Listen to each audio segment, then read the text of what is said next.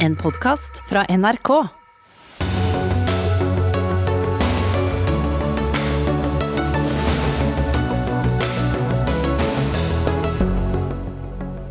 EUs legemiddelbyrå har godkjent Pfeifers vaksine for barn ned til tolv år. Bør Norge godta rådet fra dem som mente AstraZeneca var en trygg vaksine? Selv med kroppen full av covid-vaksine, ja, så havner du på karantenehotell ved innreise til Norge. Bryt forskriftene, dropp hotellet. Ingen domstol vil dømme deg for det, mener leder i Internasjonal juristkommisjon. Kraftig opptrapping av streiken blant lærere og helsearbeidere. Unio tredobler antall streikende fra onsdag. Bortkastet, sier motparten. Nederlandsk domstol har dømt oljeselskapet Shell til å halvere utslippene over hele verden. Blir det jussen som til slutt avgjør når vi skal ta vår siste olje? Og influensere på sosiale medier gir bastante råd om å kjøpe enkeltaksjer. Jeg vil bare hjelpe, sier finfluenser Grande Garcia. Kan like gjerne bruke en spåkone, sier jusprofessor. Ja, Det er noen av sakene i Dagsnytt 18 denne maidagen, der vi også vurderer om et nytt Kinasenter ved Universitetet i Oslo vil stå for fri forskning. Nei, sier en nestor i faget. Og så var det denne kongevogna. Er det riktig overfor kongefamilien å sette den på museum? Men vi starter med denne familien eh, som kom hjem fra USA for noen dager siden, da bare som et eksempel. Der var alle tre fullvaksinerte og hadde sendt dokumentasjon til norske helsemyndigheter. Allikevel, ifølge VG, rett på karantenehotell. Ubegripelig for mange, men nå kommer altså dere i Den internasjonale juristkommisjonen i Norge med et råd, Helge Morseth. Du er advokat og leder for adhoc-utvalget. Hvilke, hvilke råd vil du gi fullvaksinerte som vises til karantenehotell? Ja, dette er jo ikke direkte råd, eh, men det er jo mer et utspill om at eh, disse, denne ordningen med karantenehotell Eh, den eh, er etter vårt syn ikke godt nok begrunnet og fremstår dermed ulovlig. Så Ulovlige eh, tiltak plikter ingen å følge. Så hvis du vises til et hotell, så trenger du ikke å gå til hotellet? Det mener jeg, og i alle fall i det eksempelet du viser her, så er det vanskelig å se at, at det finnes noen god grunn til at denne fullvaksinerte familien skal tilbringe ti dager på karantenehotell istedenfor å ta karantenetiden hjemme. Men hva hvis eh, de får bot, da? Da bør de eh, unnlate å, å, vedta den, og heller prøve saken for retten, slik eh, jeg ser det. Og hva hvis de unnlater å betale den, men eh, blir dømt? Ja, da, da, da, da, de, da må de på en måte betale boten, men det er klart at det ser jeg ikke for meg at kommer til å skje. Så det blir ikke dømt, tror, tror dere? Det tror vi ikke. Men uh, regjeringen mener at tiltaket er forholdsmessig, teller ikke det her? Ja, hva de mener. Uh, altså Hvis det er forholdsmessig, hvis dette er slik at de inngrepene som dette medfører og, de negative konsekvensene dette medfører for veldig mange, ikke bare denne familien, men jeg har blitt kontaktet av veldig mange som, som sliter tungt med, med disse reglene, Eh, så eh, Beklager, nå mistet jeg litt spørsmål. Ja, jeg kan heller stille deg litt annerledes også. Hva er den juridiske begrunnelsen? Ja, dette er begrunnelsen, ikke sant? Ja, for, at, for at dette framstår som så, som lovbrudd for lekfolk? Vi har ikke gått inn i den konkrete vurderingen, men det vi ser når vi ser myndighetenes begrunnelser, er at de ikke vurderer lovens vilkår. De legger ikke frem en vurdering av hvorfor dette er nødvendig, hvorfor dette er forholdsmessig, og hva den klare medisinskfaglige begrunnelsen er. Altså hvor mange smittetilfeller unngår av man, kontra hvor mye belastning økonomisk, eh, menneskerettslig osv. påfører dette befolkningen. Og de reisende, da.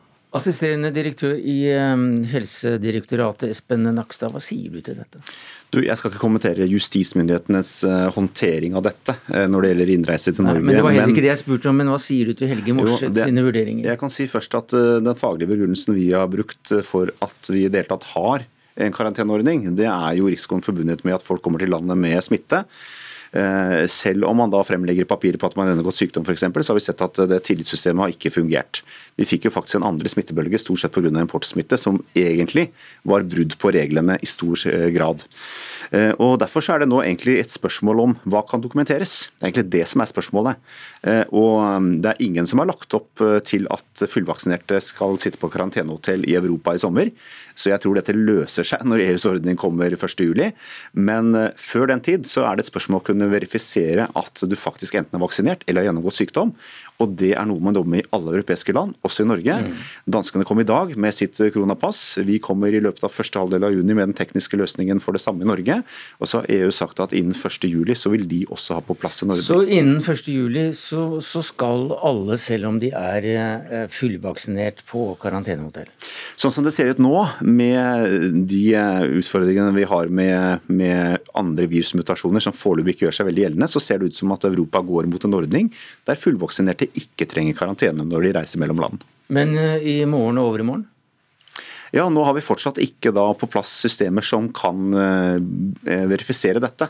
og Det er det som på en måte er utfordringen. Sånn at Dette er egentlig et praktisk spørsmål, mer enn et juridisk spørsmål. egentlig. Fordi det er ingen som mener at at eh, fullvaksinerte trenger å sitte på karantenehotell hvis man kan ha et solid system som ikke er å jukse med. Men det har man da altså ikke. Men du hører her at eh, juristen eh, sier at eh, dette kan du bare blåse i. fordi at det, det, er ikke, det, er ikke, juridisk holdbart. Ingen domstol kommer til å dømme deg hvis du sier ja takk, men nei takk, jeg, jeg går hjem isteden.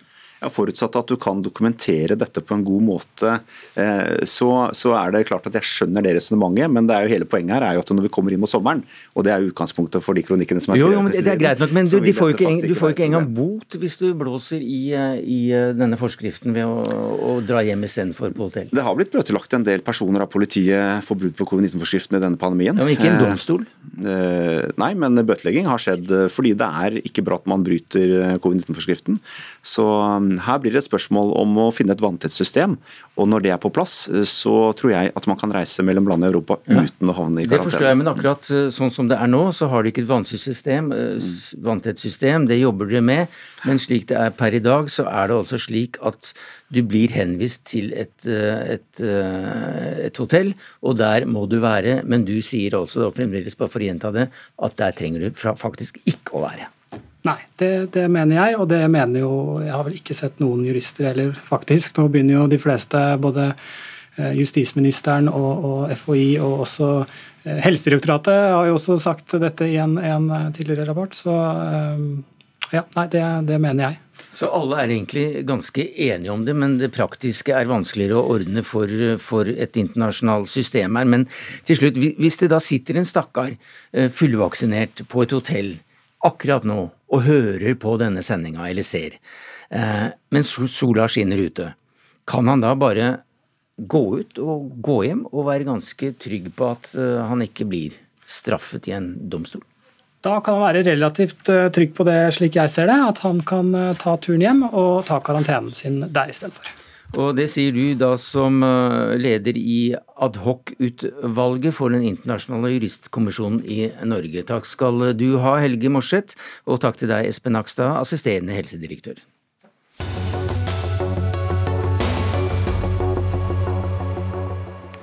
Ja, Det blir litt mer om eh, covid-19 og dens eh, følger, fordi EUs legemiddelbyrå EMA har godkjent Pfizer Biontechs koronavaksine, og det for barn ned til tolv år. Det ble kjent på en pressekonferanse nå nettopp, eller i hvert fall i ettermiddag. Vaksinen er i dag bare godkjent for personer over 16 år. Steinar Madsen, du er medisinsk fagdirektør ved Statens legemiddelverk, og du sitter også som Norges representant i EMA. Er det en god beslutning som EMA har tatt? Ja, For det første er ikke jeg representant, i Norges representant i EMA, det må jeg få korrigere. Det er Nei. en annen som representerer okay, norske leger. Men du har med EMA å gjøre, du òg? Vi har alle med EMA å gjøre, for det er den som styrer hele vaksinasjonsprogrammet og godkjenningen av vaksiner rundt omkring i Europa. Ehm, det EMA har gjort, det er at de har vurdert veldig grundig de studiene som Pfizer har gjort på barn. Og det er studier som omfatter over 2000 barn. og Det de har konkludert med, er at nytten er større enn risikoen, og da kan man godkjenne det. Det er, det er kravet. Nytten må være større enn risikoen. Men slik var det vel også med denne AstraZeneca-vaksinen, at nytten var større enn en risikoen. Men allikevel så, så sa din mann, da, din din ansatte, som jo da er Norges representant i EMA, rett skal være rett. Eh, dere sa da nei. Om ikke Roma midt imot, så i hvert fall EMA midt imot. Vi var med på godkjenningen av denne vaksinen, men det som er veldig viktig er at når en vaksine blir godkjent, så står det også noe som er veldig viktig, nemlig at vaksinen skal brukes i henhold til de nasjonale retningslinjene.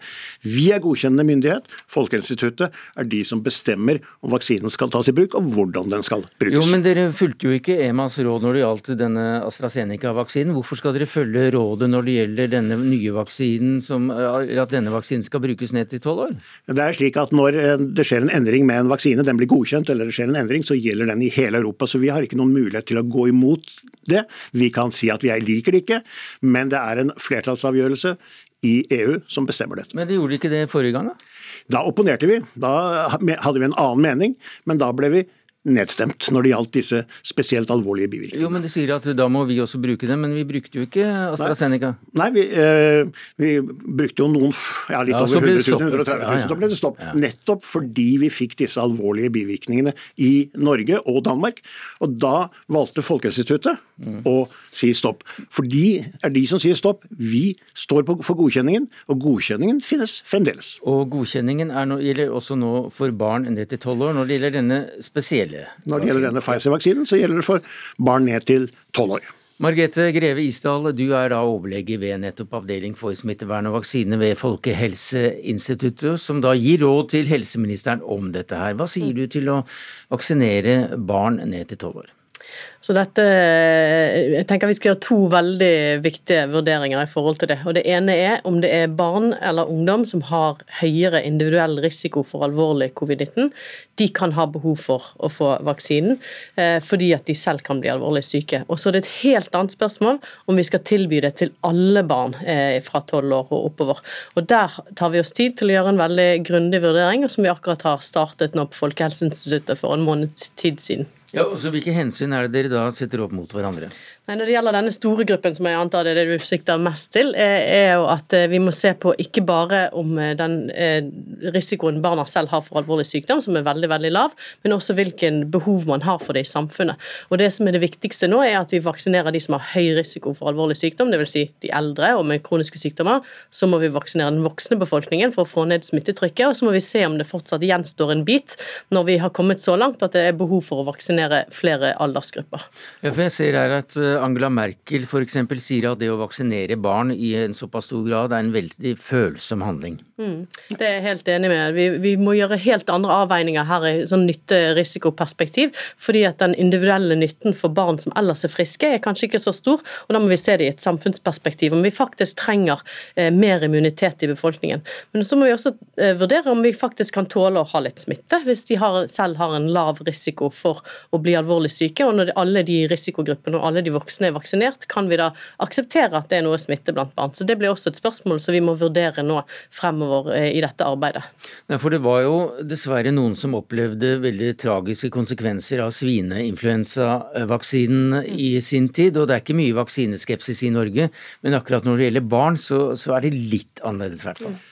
Ja, altså, jeg vil ikke si at det er så mye vaksineskepsis når det gjelder barnevaksinasjonsprogrammet. Nei, men, men er, når det gjelder slike vaksiner. Ja. ja. og det krever at det gjøres en veldig god vurdering. Så nå har vi satt i gang et arbeid også hvor vi har innhenter en del også eksterne vurderinger. Vi skal ha en etisk vurdering, vi skal ha en samfunnsøkonomisk vurdering, og vi skal også ha den medisinske vurderingen. Og der inngår både vaksinens effekt og sikkerhet, og hvilken risiko barn har for både alvorlig sykdom, men også alvorlige bivirkninger av vaksinen. Og det må gjøres i et helhetsperspektiv. Men det er altså ikke noen alvorlige alvorlige bivirkninger når det gjelder barn eh, ned til tolv år. For det har jo Madsen og, og alle rundt ham og EMA sagt. Eh, det er, ble ikke sett noen alvorlige bivirkninger når det gjaldt utprøvingen på disse 2000 barna. Men det er for lite til å kunne oppdage sjeldne alvorlige bivirkninger. slik at hvis det blir aktuelt å vaksinere barn, så må vi ha en veldig veldig grundig overvåkning av de barna som blir vaksinert. Men vil dere kunne gå inn på overvåkning eller inn på vaksinering av barn med bare 2000 som til nå er testet?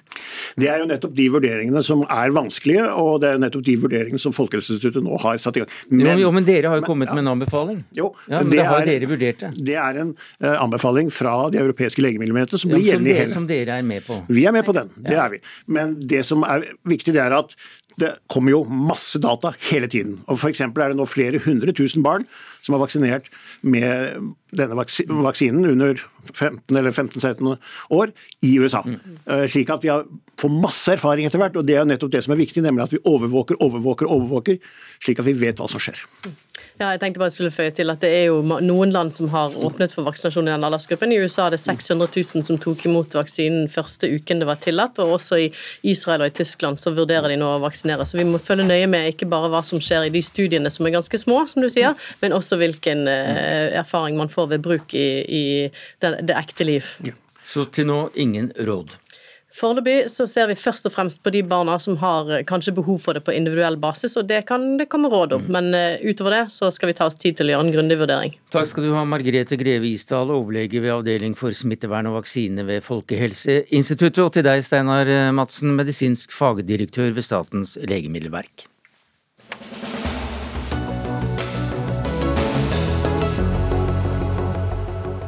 Ja, Det blir altså en tredobling eh, av streikende lærere og sykepleiere fra onsdag neste uke. Det betyr at 20 000 ansatte i skoler, helseinstitusjoner, barnehager og andre kommunale virksomheter legger ned arbeidet for å få høyere lønn. Silje Naustvik, du er nestleder i Norsk Sykepleierforbund, og da en av Unios streikeledere. Mange tenker nå tvungen lønnsnemnd. Hva tenker du?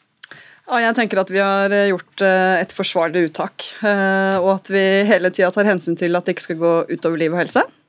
Men at det selvfølgelig er sånn at det vi sykepleiere driver med, er knytta til liv og helse. Sånn at vi gjør så godt vi kan for at vi skal unngå tvungen lønnsnemnd, og at vi skal fortsatt kunne ha en forsvarlig streik. Hvorfor trapper dere opp? Nei, Vi trapper opp for å legge ytterligere press på arbeidsgiversida, selvfølgelig, og for å være tydeligere i markeringa vår. Eh, Tor Arne Gangse, forhandlingsleder i KS, altså sammenslutningen av norske kommuner. Eh, eh, dette ekstrapresset, hva sier du til det? Nei, Det er jo et stort uttak, det er et alvorlig uttak som Unio gjør. Både av lærere og sykepleiere og annet kritisk personell. Men det er bekymringa er nok først og fremst knytta til det uttaket som er knytta til sykepleiere og faren for liv og helse. Ja, Hvordan da? Nei, Dette blir jo nå vurdert rundt omkring i de enkelte kommunene, de 16 kommunene som er tatt ut eh, i, dette, i, forbindelse med dette uttaket. Og kommunene sitter nok nå og vurderer om det er fare for liv og helse. Altså om man er i stand til å ivareta måtte, livsviktige leveranser av velferdsgoder. Og så er jo systemet sånn at Hvis kommunen vurderer at det er fare for liv og helse, så må man vurdere om det går an å gjøre noe med det. Eh, alternativet er jo å rapportere dette inn til norske helsemyndigheter. Men eh, sykepleierne er ganske sikre på at de har tatt ut riktige mennesker, slik at liv og helse ikke står i fare. Altså Unio har tatt ut uh, nå på neste uttaksfase, som kommer til onsdag til uka, så tar vi ut over 20 000 medlemmer. Og Av de så er faktisk bare rundt 2000 sykepleiere. Men det sier jo noe om hvor uunnværlig sykepleierne er. Hvor lite det er å gå på før man er redd for at det blir fare for liv og helse. Og så er det også sånn at Arbeidsgiver har muligheten til å søke dispensasjon, og vi behandler de dispensasjonssøknadene døgnet rundt. Så vi tenker at dette skal være et forsvarlig uttak. Men uh, Gangsbø, sist du var her, altså da i går, så sa du at uh, var det 2,8% eller var det 2,7% Det var det endelige tilbudet til, til Unio-medlemmene. Med dette ekstra presset, hva sier du i dag? Du, Sanne, vi har jo vi har én tariffavtale for alle ansatte i kommunal sektor. Og vi har jo inngått en avtale nå som er akseptert av tre av fire hovedsammenslutninger. Så det jeg har sagt i hele dag, det er jo at eh, min telefon er åpen, og jeg skal love å ta den uansett når på døgnet. Men det vi kan tilby Unios medlemsmasse nå, det er jo å tilslutte seg den tariffavtalen som allerede eksisterer. Ja, Det betyr jo da ikke en krone til, og, og da blir vel forhandlingene litt vanskelig, selv om du tar telefon? Telefonen? Jeg skal ta telefonen, men, men det eneste Men ikke, ikke, forhandle? Men vi har ingenting å tilby på dette tidspunktet her. Det er helt utenkelig. Hva sier du til det? Nei, hva skal man si? Altså, det er, jeg tenker at Dette løser ikke den store utfordringen vi står ovenfor, knytta til å rekruttere og beholde veldig viktig personell for kommunene våre. Og det er klart, Tre av fire ordførere sier at sykepleiere er den gruppa som er vanskeligst å rekruttere. Og Vi vet at eh, mange slutter i yrket. Det er få som har lyst til å jobbe som sykepleier i kommunen. Og både du og jeg og alle andre har faktisk behov for at vi har sykepleiere på sykehjemmene, og at vi har lærere i skolen. sånn at Der håper jeg at vi sammen kan se på hvordan vi skal løse den samfunnsutfordringen. I går, så satt Unios forhandlingsleder Steffen Handal her sammen med deg, Gangsbø. og Dere gikk ut eh, sammen, og det så ut som det var ganske jovialt. og Folk som møtte dere sa nettopp det, men dere ble ikke enige ned trappa i NRK-bygningen allikevel. Hva skal til? Du, altså jeg har lyst til å si at Forhandlinger om lønn er en alvorlig sak, men det er profesjonelle aktører som forhandler. Og så Stort sett så kommer man fram til enighet. Det har man jo stor, stor, lang erfaring på i Norge, men denne gangen var ikke det mulig å få til. Men eh, systemet er slik at vi kan tilby en tiltredelse til den eksisterende avtalen som er inngått nå, og som gjelder for 60% av alle ansatte. Som eh, en uttalelse som bl.a. har gjort at eh, det nå blir 20 000 ansatte i skoler og helseinstitusjoner og barnehager etc. som kommer til å gå i streik på onsdag. Sånn at det hjalp ikke veldig. Nei, det gjør det ikke. Det er klart at det som nå skjer, det er jo iallfall en erkjennelse av at sykepleieruttak på 2000, nye sykepleiere, 2000 sykepleiere i 16 kommuner, det er nok en alvorlig situasjon. Så jeg tror det er mange ordførere og eh, helseledere i disse 16 kommunene som er bekymra på vegne av befolkninga si. Og når man er opptatt av rekruttering, så er det jo ingen som er mer opptatt av rekruttering av sykepleiere enn kommunale ledere. Og Derfor så har vi jo også etablert gode prosesser nett nettopp for å se på hvordan vi skal sikre større tilgang til sykepleiere. Bortsett, bortsett fra å gi dem mer lønn? Jo, vi ga jo til og med et lønnstilbud som er bedre enn alle andre Norge fikk. Ja, det er marginalt. 2,8% eh, altså det er definitivt innenfor rammen av frontfaget, som man sier, men, men det er dessverre ikke nok for å sikre den eh, livsnødvendige kompetansen. Husk på det i 2019, altså det siste mm. oppgjøret vi hadde før, før pandemien, så gjorde vi jo tidenes løft for sykepleiere. Men det var dessverre ikke nok. Eh, vi mangler mm. fortsatt 7000 sykepleiere. Det var så langt vi kom. Velkommen igjen, Silje Naustvik, nestleder i Norsk Sykepleierforbund, og Tor Arne Gangsbø, forhandlingsleder i KS.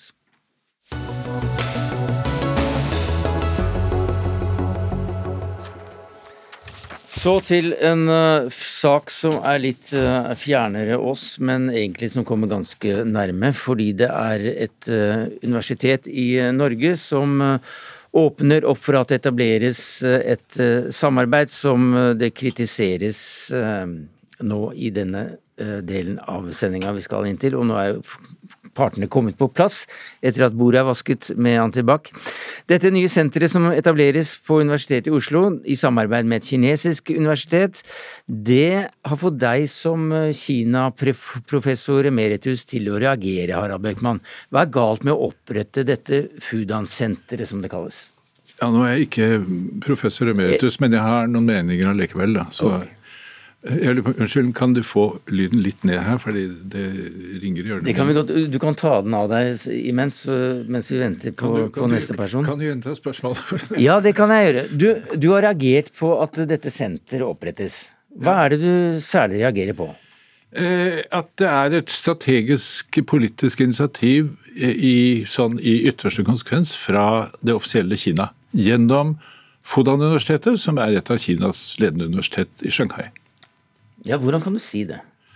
Ja, Det kan jeg si ved å lese kinesiske, hva de sier sjøl. Altså, mm -hmm. Fodan sier de har et senter for, et senter for utviklingsstudier, som er et kjempesvært maktsterkt senter, som styrer Fodans virksomheter. Fodan skryter av at de har opprettet nå fem sentre i fire verdensdeler, vel. Uh, og at dette er et strategisk initiativ for å skape en plattform Eller en, en, en, det er en bro og da, jeg da blir det jo en brohode et eller annet sted, selv om det er et militært uttrykk, for å fremme kinesiske syn på kinesiske studier i Europa. Ja, hvorfor er det ikke for å få mer Kina-studier, bare, da? Eh, for det vil du jo ha? Eh, ja, i og for seg. Men det er nettopp også hele, hele sånn bunnen i det hele, det er jo uh, hvordan og hvorfor. Det er liksom det spørsmålet, og det syns jeg Universitetet i Oslo ikke har gitt veldig gode svar på. Det kan jo hende du får her nå, for Svein Stølen, du er rektor ved Universitetet i Oslo. Hvorfor har det gått inn på dette samarbeidet, som altså da er ganske langt fra fri forskning, hvis vi skal eh, forstå denne nestoren rett? Ja, Dette skal handle om fri forskning, det kan det ikke være noen tvil om. Internasjonalt forskningssamarbeid er helt sentralt for at eh, vi skal utvikle det globale kunnskapssamfunnet. Vi er i en situasjon hvor vi treffes av ulike typer utfordringer som globalt samfunn. Ofte så er de nasjonale utfordringene også globale, og de globale utfordringene treffer også nasjonen ganske fort. Men det er det, sikkert, er det, det, det er sikkert ingen som er uenig men her får dere også kritikk, et øyeblikk, her får dere også kritikk for å åpne et senter, vel vitende antagelig, om at det er visse bindinger her når det gjelder de kinesiske begrunnelsene for oss å gå med på dette. Da får vi starte med at vi åpner et senter som består av én mann. Som skal sitte ved Universitetet i Oslo og bidra til at vi får til forskningssamarbeid. Kontrakten vi har, handler om forskningssamarbeid for å hjelpe til at unge forskere får tilgang til uh, samarbeid mot kinesiske Men hva sier du da til kritikken om at dette gir bindinger? Dette er en hva skal Vi si, en, vi har også et tilsvarende senter i Fudan, ved Fudan-universitetet. Jo, hvor jo, men det, 25 du, jeg må nesten avbryte. Forhold deg til den kritikken som kommer. Hva sier du til den? Dette er et senter hvor vi har i kontrakten tydeliggjort at det er et senter som skal baseres på de institusjonelle eh, retningslinjer, inkludert våre normer for akademisk frihet. Det ligger som grunnlag for den kontrakten som er skrevet. Det står også hva dette senteret handler om, som er altså forskningssamarbeid. Bøckmann? Ja, altså En ting er hva man har på papiret, eh, og der har vi litt erfaring fra eh, Bergen, altså Konfutse-instituttet.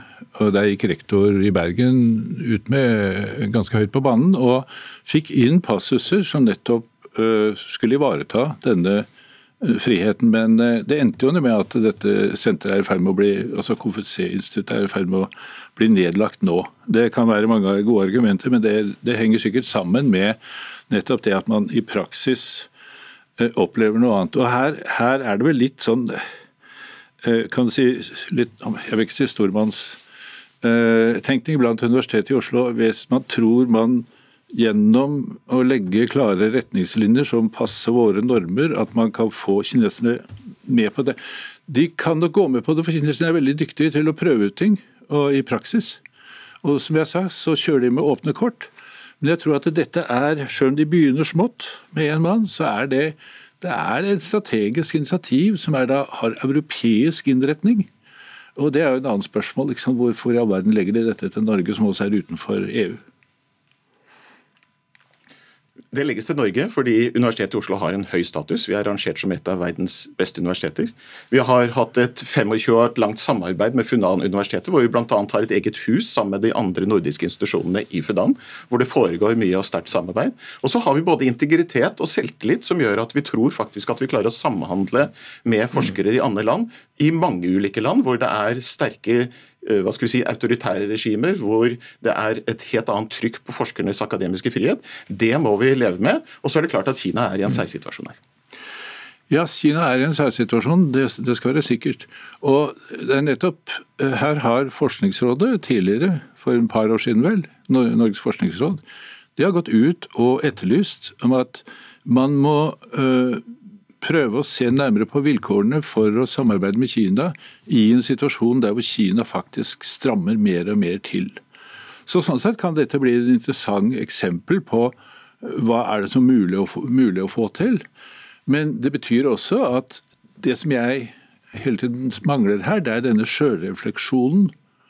Man er god til å forske på Kina, og jeg har mange gode kolleger oppe hos dere. Men eh, i det, dette situasjonen her, så, så krever man at man bruker forskerhodet sitt til å forske på sin egen virksomhet. Det er en som eh, forsker mye på Kina, det er deg, Rune Svarverud. Du er professor i Kinastudier og leder for Instituttet for kulturstudier og orientalske språk, og da vel den, den nærmeste ansvarlige for, for dette senteret.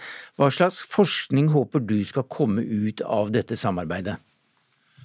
Eh, altså, eh, dette senteret skal jo eh, drive med forskning på veldig mange forskjellige felt. Eh, og det er fokusert på det vi kaller Kina-studier i en veldig bred forstand. Uh, og det gjelder ikke bare altså, den forskningen som foregår innenfor uh, våre vegger på instituttet hos oss, men for så vidt også i veldig bred forstand. Altså forskningssamarbeid med kinesiske forskere på Fodan-universitetet, ved Universitetet i Oslo, ved norske institusjoner og, og grunnlag for bredere europeisk samarbeid. Men jeg tror, jeg tror, det er viktig å si her at vi har jo reflektert veldig nøye over dette initiativet da det ble tatt. og på vegne av jeg tror på vegne av kollegaene mine så kan vi si at dette har vært veldig grundig vurdert og overveid. Og, og vi er jo veldig opptatt av å drive uavhengig forskning mm. og uh, undervisning og ha et kritisk blikk på Kina. Så jeg tror ikke uh, at det er noen særlig fare for at dette senteret vil påvirke forskningen og undervisningen som mm. foregår hos oss Beckmann, vær så god. Ja, Jeg har lest dette forelegget, eller notatet fra, til universitetsstyret den 9, eh, altså rett før jul, da dere vedtok å gå inn for det. og Dette, dette ble lagt fram som en informasjonssak, som jeg også syns er ganske rart. For dette er noe som, etter det jeg har kunnet finne, jeg har konsultert noen universitetshistorikere, at det er en avtale som eh, er ganske unik i Universitetets Oslo-historie. Så det burde vært en annen beslutningsprosess, ikke bare Ja, det syns jeg. Men det som Svarerud sier da, altså dette fremlegget, er der fører man opp ni gode grunner for dette arbeidet. Og det er alle, det er ni gode grunner, men det er ikke ei linje med liksom refleksjon, sjølrefleksjon om hva dette innebærer. Så det illustrerer litt at det, er, det har vært litt mye en enveis, enveisprosess etter min Men jeg er ikke medlem av universitetsstyret, så det er det sikkert. Men, eh, men det du konkret er redd for, det er altså at dette samarbeidet skal eh, påvirke forskningen slik at den blir mer styrt enn ønskelig er?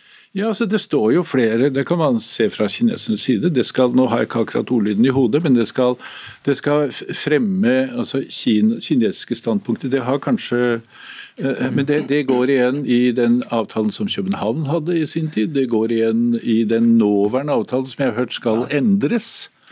Uh, og dette igjen, altså Kineserne kjører med åpne kort.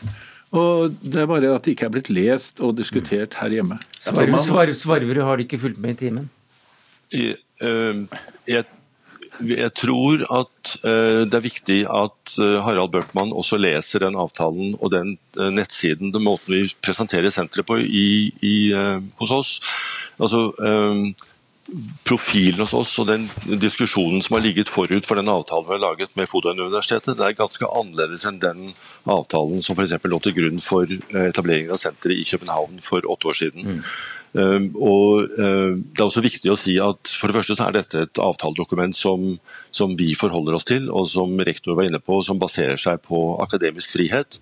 Og For det andre så er dette også en avtale som uh, har en åpning for at avtalen termineres av begge parter, hvis man føler at dette går på bekostning av mm. den akademiske friheten. Så Vi har vært veldig opptatt av å diskutere dette og det grunnlaget som som eh, ligger til grunn fra vår side da, for å si mm. at dette er et interessant initiativ, det er basert nettopp på den avtaleteksten som, som vi har diskutert med og forhandlet fram mot, med Fodan universitet. Takk skal du ha, Rune Svarverud, professor i Kinastudier og leder for Institutt for kulturstudier og orientalske språk. Bøckmann, du skrev da en kronikk om dette i Aftenposten, der du mente at det var beklagelig at ikke det var blitt mer debatt om denne saken. Men nå er det altså blitt mer debatt om denne saken, takket være deg, Harald Bøckmann, professor emeritus ved Universitetet i Oslo, som ikke er professor emeritus, men som er tidligere forsker ved universitetet, og til deg, Svein Stølen, som i alle fall er rektor ved universitetet. Takk skal dere ha. Gir den kontrakten til ham, så han kan lese den til neste gang. Ja, men det er neste gang.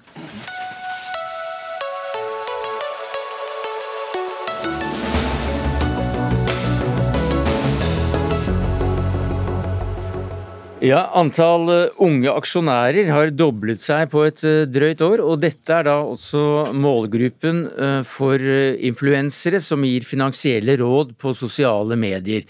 Mengden med såkalte finfluensere, altså finansfluensere, de øker i rekordfart. Og dette er du skeptisk til, Tore Johnsen. Du er professor emeritus i finans ved Norges handelshøyskole. Hvorfor det? Ja, riktig. Jeg er emeritus, ja. Det, er viktig å slå fast. Eh, nei, altså på den ene side så er jeg positiv til dette. Jeg synes det er eh, spennende. Eh, vi kan jo ikke få for liten interesse, eller for, unnskyld, for mye interesse fra ungdommer om aksjemarkedet. Og hvordan aksjepriser beveger seg med inntjening og makroøkonomi. Og, og, at de lærer seg at eh, aksjemarkedet er ikke et ensidig gevinstmarked. Det er ikke sånn at det går bare én vei oppover. Det går også nedover. Der hvor det er størst mulighet for oppover, så er det faktisk også størst mulighet for tap. Eh, og, og, ikke minst vil det kunne skape innsikt som de kan bruke når de så legger opp sparing i, eh, for både på kort sikt og lang sikt. Men allikevel så sier du at man like gjerne kunne brukt språkkjæringer, sier du til Dagens Næringsliv. Nei, ikke språkkjæringer, men spåkjæringer.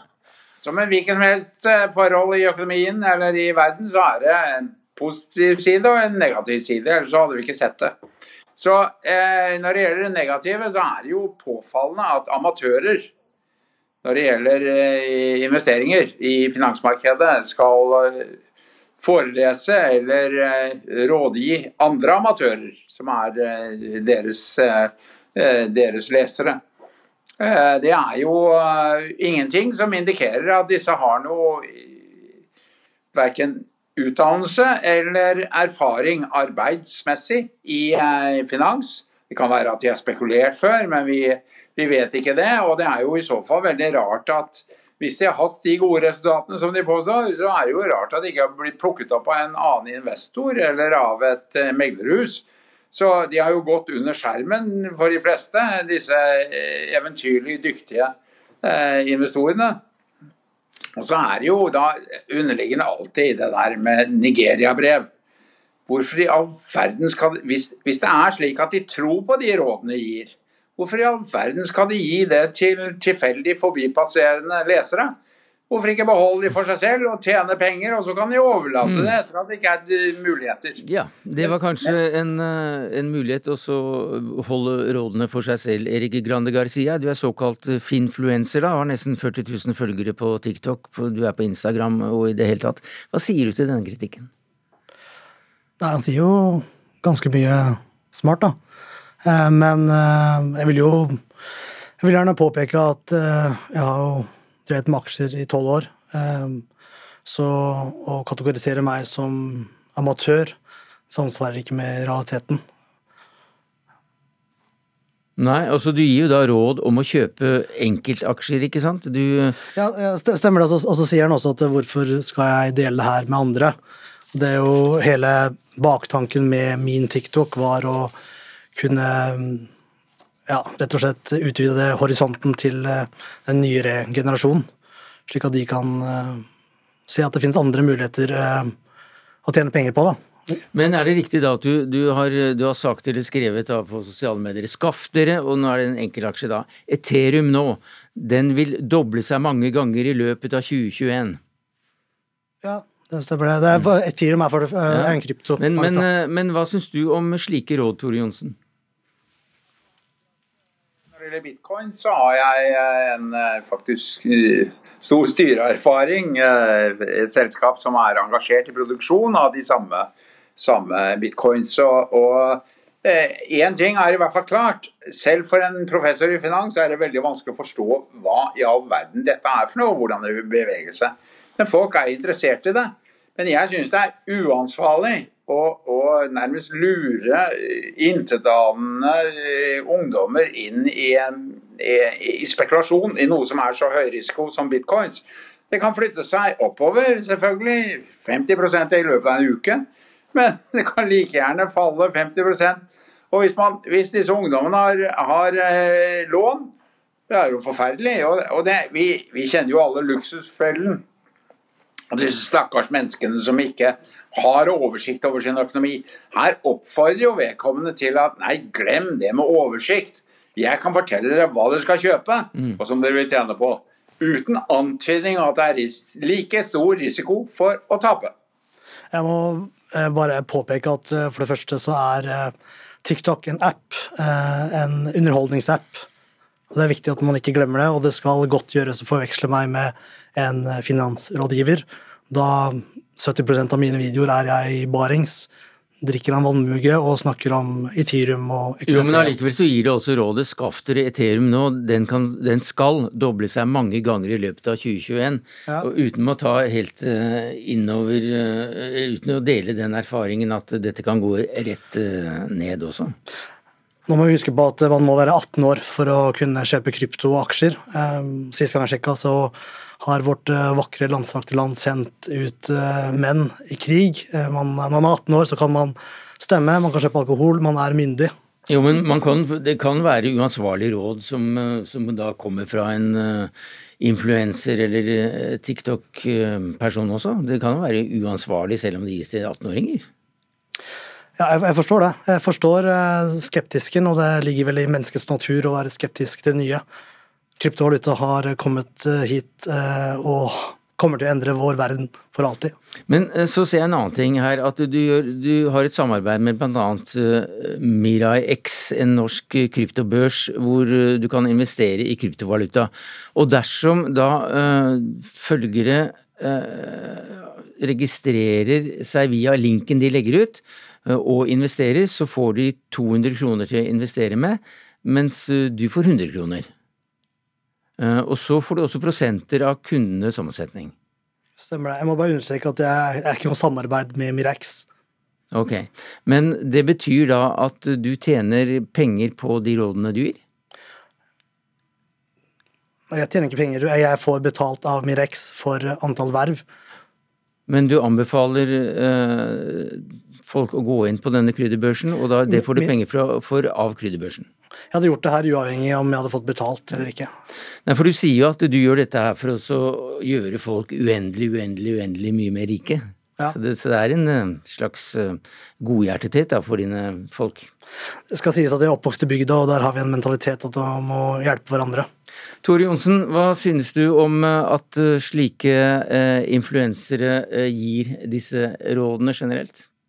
Nei, altså, jeg har vært uh, inne i et par uh, store rettssaker for Økokrim. og og bl.a. Nigeria-type brev. Og, og, og, hvor det åpenbart var sånn at for, for, en dreven, en profesjonell investor, så var det åpenbart at dette burde man holde seg unna. Det var altfor godt til å være sant.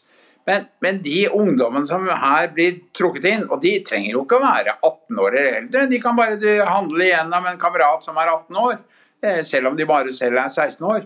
Så jeg, jeg, må si at det er uansvarlig. Eh, det er positive sider, greit nok. Det er, men, men, eh, men eh, det negative er også problematisk. Men for all del, det vi må unngå, er å forsøke å, å forby dette og regulere det bort. Det er viktig at ungdom er engasjert i aksjemarkedet, mm. Men på en betryggende måte. Takk skal du ha, Tore Johnsen, professor emeritus i finans ved Norges handelshøyskole. Takk til deg, Erik Grande Garcia, finfluenser.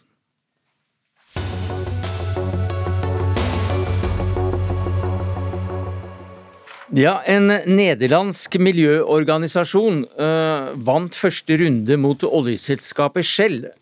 For alle 1100 øh, Shell-selskaper rundt i verden er ifølge Nasjonal domstol dømt til å kutte 45% av alle sine utslipp innen 2030, inkludert forbrenningsutslipp fra forbrukere av olje og gass som Shell har pumpet opp. Altså i hele verden. Og jula kom jo da veldig tidlig til miljørørsla. Pernille Hansen, hva sier du? Ja, nei, Vi er kjempefornøyd vi, eh, og gleder oss med søsterorganisasjonen vår i Nederland eh, for denne seieren. For du er nestleder i Naturvernforbundet, og første runde ble også vunnet av miljøbevegelsen i Nederland. Hvor viktig er dette, tror du? Dette her er jo en massiv seier, og jeg tror at miljøbevegelsen over hele verden eh, får en energiboost av dette. Eh, vi altså snakker om 45% av utslippene til Shell over hele verden.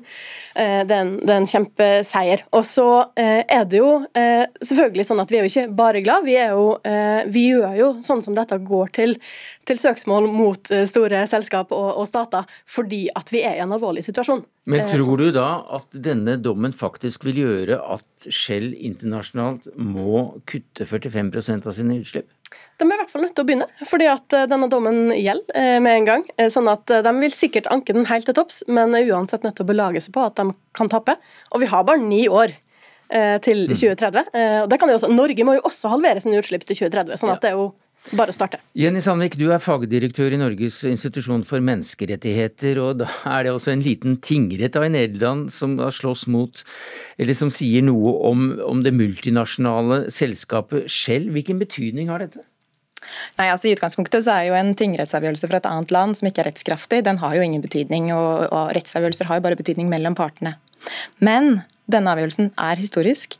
Den, det er første gang et selskap på denne måten eh, holdes ansvarlig for å kutte utslipp, basert på en ulovfestet aktsomhetsplikt som tolkes i lys av menneskerettigheter, om selskapers selvstendige ansvar for å etterleve de menneskerettighetene. Og det er internasjonal rett, som krysser foran nasjonal rett? Det er internasjonal, internasjonale menneskerettigheter som Norge er forpliktet etter, og som selskapene på selvstendig grunnlag må etterleve. Og eh, dette er ikke en hvilken som helst tingrett heller. Det er den samme tingretten i Haag som i 2015 eh, avsa den første dommen i favør av Urgenda, som altså påla Nederland å kutte sine utslipp med minst 25% og som ble fulgt opp av nederlandsk høyesterett, og som nå former rettsutviklingen i hele Europa på klimaområdet. Senest i forrige måned så ble den eh, tolkningen av disse grunnleggende rettighetene, at klimaendringer over halvannen til to grader krenker, truer retten til liv, retten til privatliv og hjem. Det ble stadfestet av den tyske forfatningsdomstolen i Karlsrue, som er en av de mest toneangivende domstolene i Europa. Men betyr da også dette noe for, for norske oljeselskaper også? Ja, altså Direkte så betyr det jo ingenting. Det betyr jo noe for de selskapene som Shell har i Norge som jo er omfattet av denne umiddelbare virkningen som dommerne har gitt denne avgjørelsen. Eh, domstolen mente at hensynet til å sikre nålevende og fremtidige innbyggere i Nederland, deres rett til liv og helse, det går foran eh, hensynet til Shells inntjening.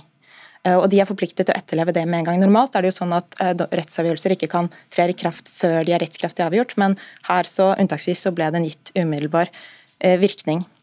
Og um, nå skal vi ikke spekulere i, i, hvilken betydning det kan få i Norge, da må man jo ha konkrete søksmål, men det er ingenting. Det er ikke noe som i prinsippet hindrer en tilsvarende sak fra å kunne eventuelt føre frem her. Men Vil du ha presedens for, for norske domstoler? Nei, det har de ikke. Men det vi ser på særlig på klimaområdet, det er at det er en rivende rask og internasjonal rettsutvikling der hvor domstolene bygger i stor grad på hverandre. Tysk forfatningsdomstol for eksempel, bygde på nederlandsk høyesterett, på irsk høyesterett, Eh, og på fransk Conseil d'État.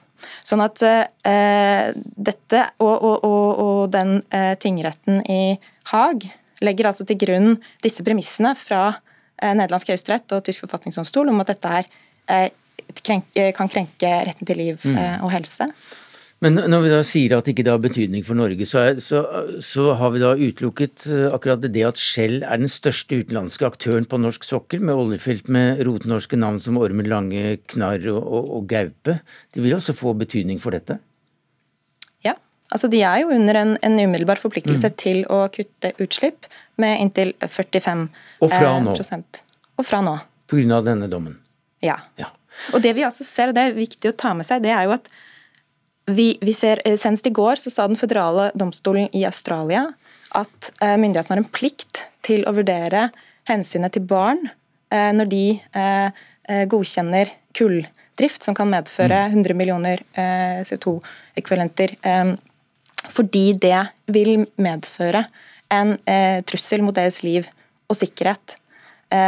Så vi ser at flere formative domstoler verden over håndhever interessene til yngre og fremtidige generasjoner som ikke er representert demokratisk eh, i dag. Jan Soppeland, du er direktør for kommunikasjon og myndighetskontakt i Norske Skjell. Hva sier du til denne domsavgjørelsen?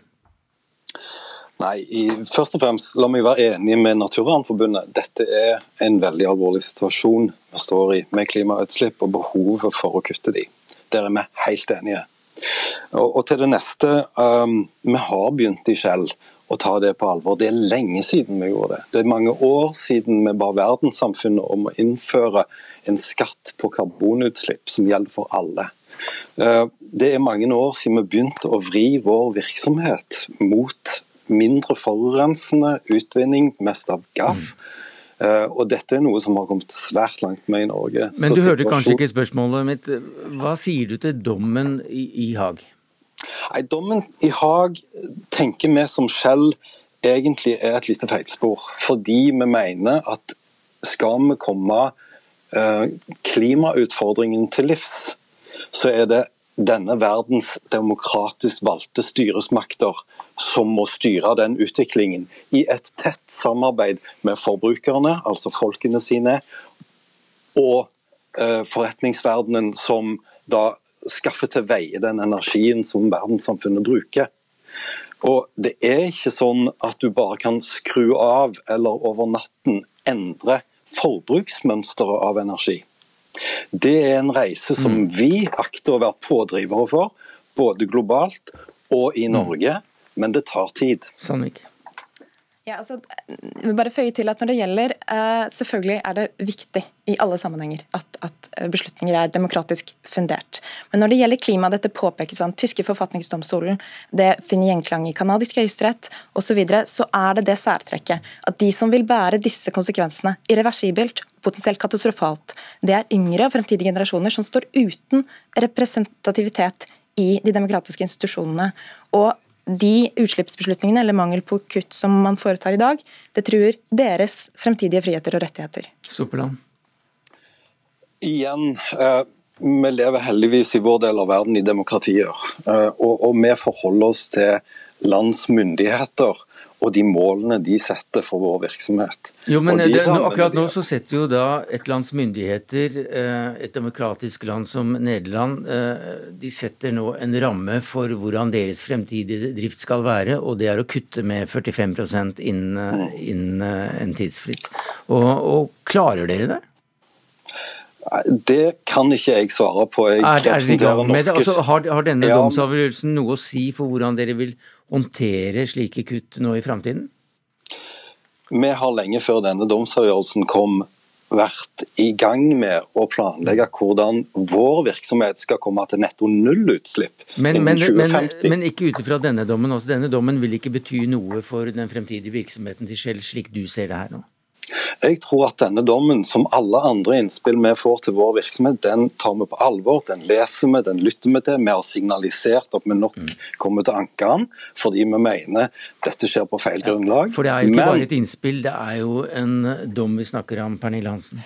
Ja, eh, det er det. Sånn at eh, jeg tror man skal se alvoret her og, og ta tak. Det virker jo som, nå vet jeg ikke i meg selv, men, men Equinor demonstrerte jo på forsida til Klassekampen i dag at de ikke forstår alvoret gjøre, eh, ved at de ikke engang har et scenario der de klarer 1,5-gradersmålet, som, som, er Parisavtalens eh, mål. Og selv med 1,5 graders eh, oppvarming så vet vi at vi har alvorlige klimaendringer og store konsekvenser for både natur og vennskap. Så kanskje har da den siste oljen Nei, ja, nå må vi dessverre runde av. Jeg må dessverre runde av her, fordi det står folk, det står folk, i, det står folk i, i, døra her. Vi må bare konkludere med at dette med hvem som bestemmer når den siste oljen skal komme, det blir kanskje advokater og jurister. Takk skal dere ha. Jan Soppeland, direktør for kommunikasjon og myndighetskontakt i AS Norske Skjell. Pernille Hansen, nestleder i Naturvernforbundet. Og til deg, Jenny Sandvik, fagdirektør i Norges institusjon for menneskerettigheter.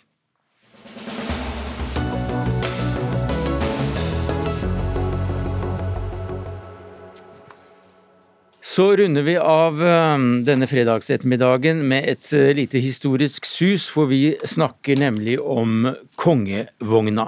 Det var i mange år uh, eid av og driftet av uh, NSB.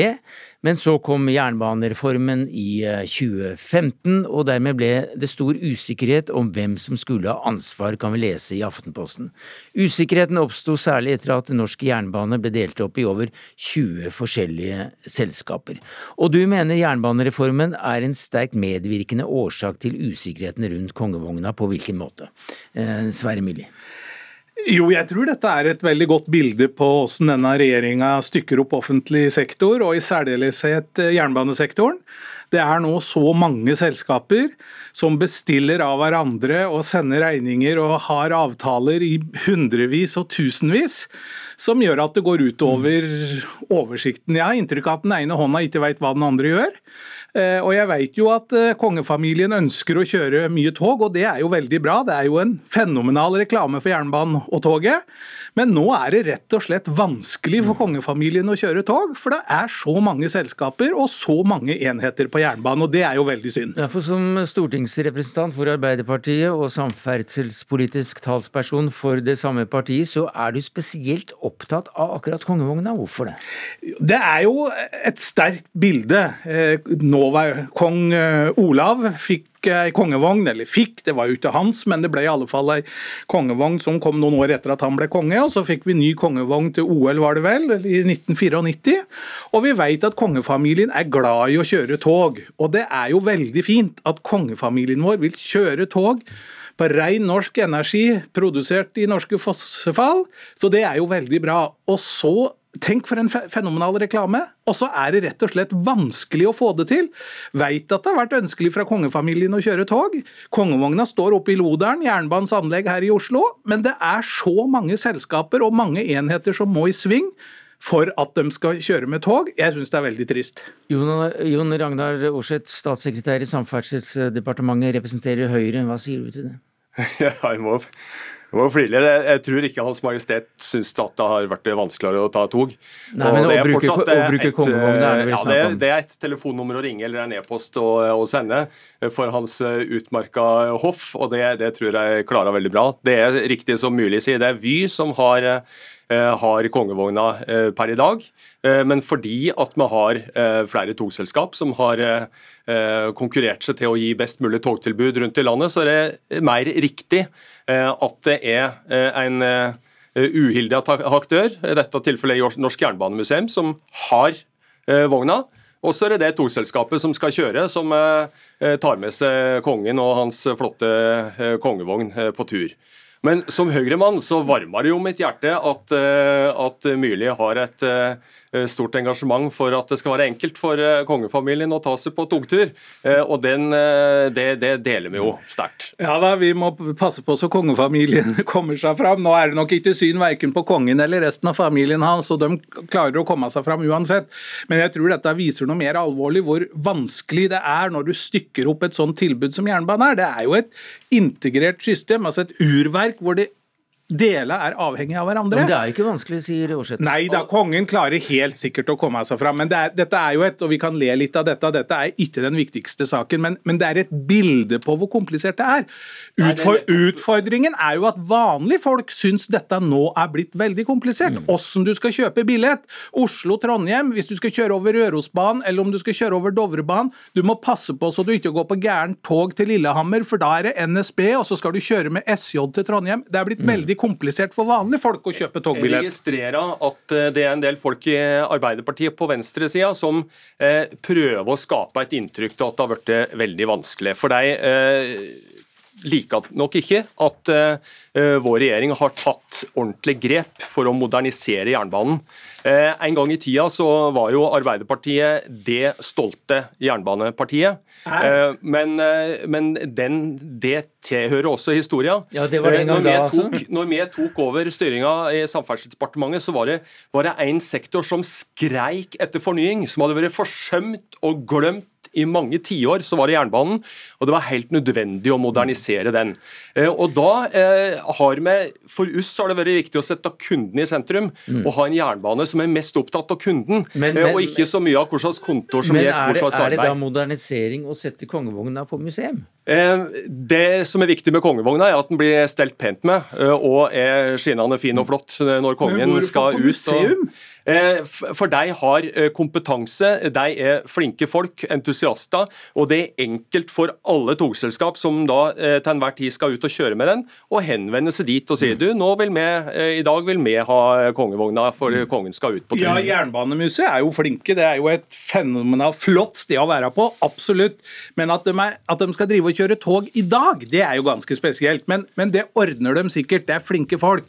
Jeg syns det er spesielt at vi gjør sånn som vi gjør med jernbanen. At noe så enkelt som at kongen skal på hytta si i Sikkilsdalen, tar toget til Vinstra. Eh, hvor mye jernbanefolk som har vært stolte av det. Det har vært egne kongekonduktører. Folk er i sving, finner fram den røde løperen, vasker litt ekstra. Det er et veldig sterkt symbol. Kongen, NSB, framtida, miljøvennlig. Det er synd at dette nå har blitt så vanskelig. Takk skal du ha, Sverre Myrli, stortingsrepresentant for Arbeiderpartiet. Takk til deg, Jon Ragnar Aarseth, statssekretær i Samferdselsdepartementet. For det var det vi rakk i Dagsnytt 18 i dag, takket være ansvarlig for det hele. Anne Katrin Føhle, det tekniske ansvaret hadde Lisbeth Selreite. Jeg heter Sverre Tom Radøy.